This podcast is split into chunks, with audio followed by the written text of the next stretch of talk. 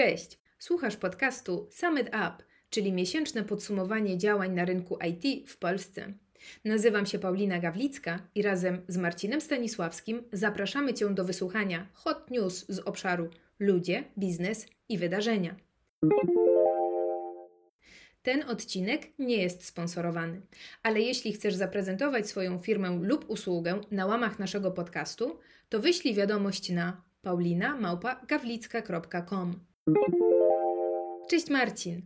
Cześć Paulina. Zanim przejdziemy do tego informacyjnego mięcha, to staropolsko-podcastowym zwyczajem w pierwszym odcinku powinniśmy się przedstawić. Marcin Stanisławski, menadżer z ponad 10-letnim doświadczeniem w branży IT, głównie w obszarach biznesowych, takich jak sprzedaż, delivery, account management i leadership. Prywatnie jestem mężem oraz tatą dwójki synków. Aleksandra i Tymoteusza. Paulina Gawlicka, również od ponad 10 lat działam w branży IT, natomiast jest mi nieco bliżej do tematów ogólnoorganizacyjnych i ludzkich, czyli HR-u, rekrutacji i budowania zespołów.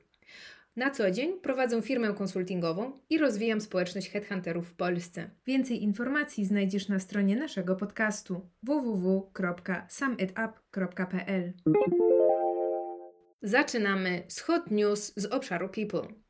30 września Paweł Łopatka na łamach swoich kanałów social media ogłosił, że po 8 latach współpracy żegna się z firmą SoftServe. Marcinie, co tam ciekawego wydarzyło się we wrześniu w świecie biznesu? Firma Spyrosoft opublikowała swoje wyniki finansowe za pierwsze półrocze 2022 roku. Przychód spółki wyniósł 140 milionów złotych, a EBITDA całej grupy Spyrosoft zwiększyła się aż o 75% i wyniosła niemal 11 milionów złotych. Ale to nie wszystkie sukcesy. Organizacji udało się również zatrudnić prawie 400 nowych pracowników. Spyro nie straszna również inflacja i spadający kurs złotówki.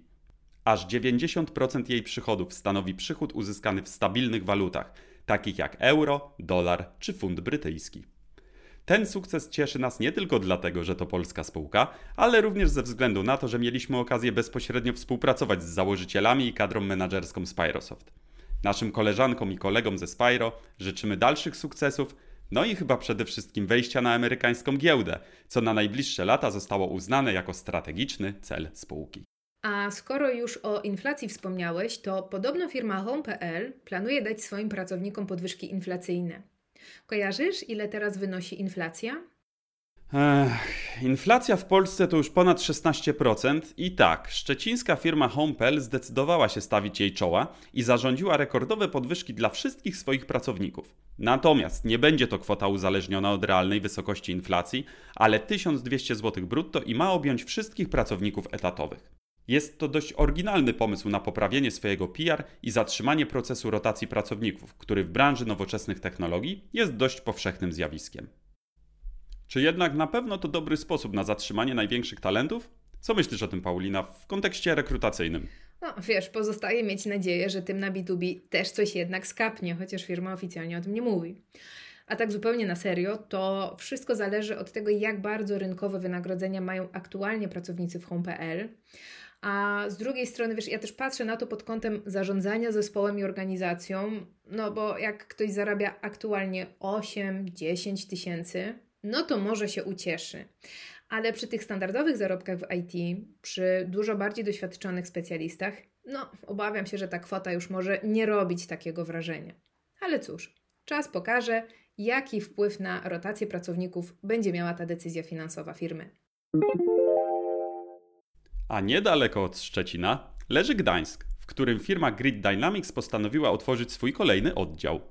W związku z planowanym rozwojem Grid zamierza zatrudnić głównie osoby doświadczone w obszarze Java, Frontend, Quality Assurance, Big Data, .NET oraz w obszarze technologii mobilnych. Otwarcie oddziału kolejnej amerykańskiej firmy z Doliny Krzemowej bez wątpienia oznacza, że Polska w dalszym ciągu jest interesującym kierunkiem dla globalnych graczy z branży IT. Mimo wyzwań związanych z niedoborem pracowników i rosnącą inflacją, nadal jesteśmy interesująco biznesowym kierunkiem, a firmy z całego świata doceniają nasze kompetencje i doświadczenia w obszarach technologicznych. Ciekawe, jak Grid planuje wyróżnić się na tym dość konkurencyjnym już rynku, jakim jest Trójmiasto i okolice. W końcu swoje oddziały, shared services i centra R&D mają tam takie organizacje jak Intel, SII, Nordea, wspomniany wcześniej SoftServe czy EPAM.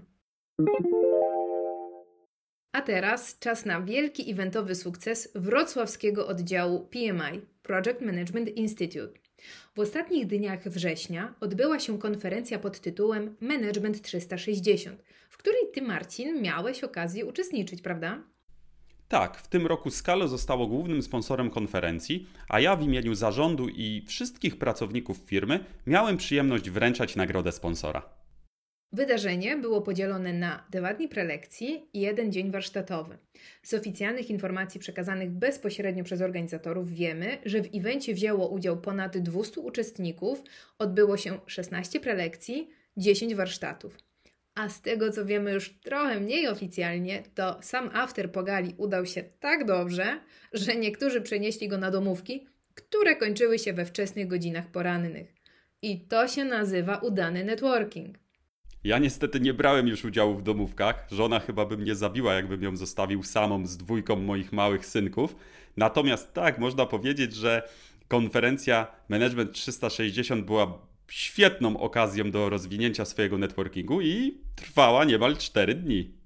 W tym miejscu warto jeszcze wspomnieć, że za organizację wydarzenia odpowiadał 12-osobowy zespół projektowy pod przewodnictwem Patryka Szlęka który w tym roku był nie tylko PM-em projektu, ale też konferencjerem. Trzeba przyznać, że scena jest zdecydowanie żywiołem Patryka. Oczywiście cały zespół mógł liczyć na pomoc i doświadczenie aktualnego dyrektora wrocławskiego oddziału PMI, Michała Proroka, z którym de facto miałam okazję współorganizować i współprowadzić piątą konferencję zarządzania projektami w 2018 roku.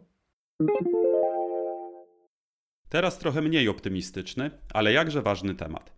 Just Join IT i Twój psycholog opublikowali 70-stronicowy raport, według którego 2 trzecie osób zatrudnionych w branży IT ocenia swój stan psychiczny słabo lub jako pogorszony.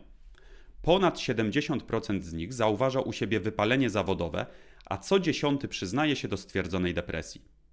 Warto zapoznać się z pełnym raportem. Można go darmowo pobrać ze strony wypaleniezawodowe.it, ponieważ z niego dowiesz się m.in jak można rozpoznać wypalenie zawodowe wśród pracowników, jakie są możliwe działania zapobiegawcze firmy, ale też znajdziesz wskazówki, jak zmienić swoje myślenie i nauczyć się odpoczywać.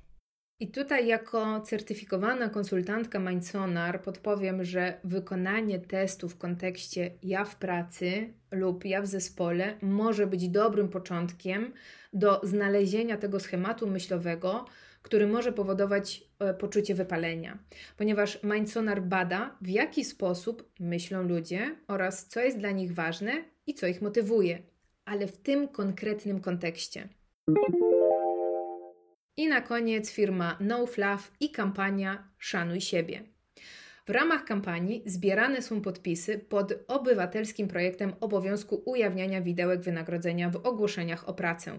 NoFluff zachęca do bojkotowania słabych ogłoszeń, ale też podpowiada, jak odróżnić dobre ogłoszenie o pracę od takiego, które warto omijać. Zachęcamy Cię do zapoznania się ze szczegółami kampanii na stronie szanujsiebie.com. Dzięki za wysłuchanie audycji It Up, Paulina Gawlicka i Marcin Stanisławski. Do usłyszenia w kolejnym odcinku.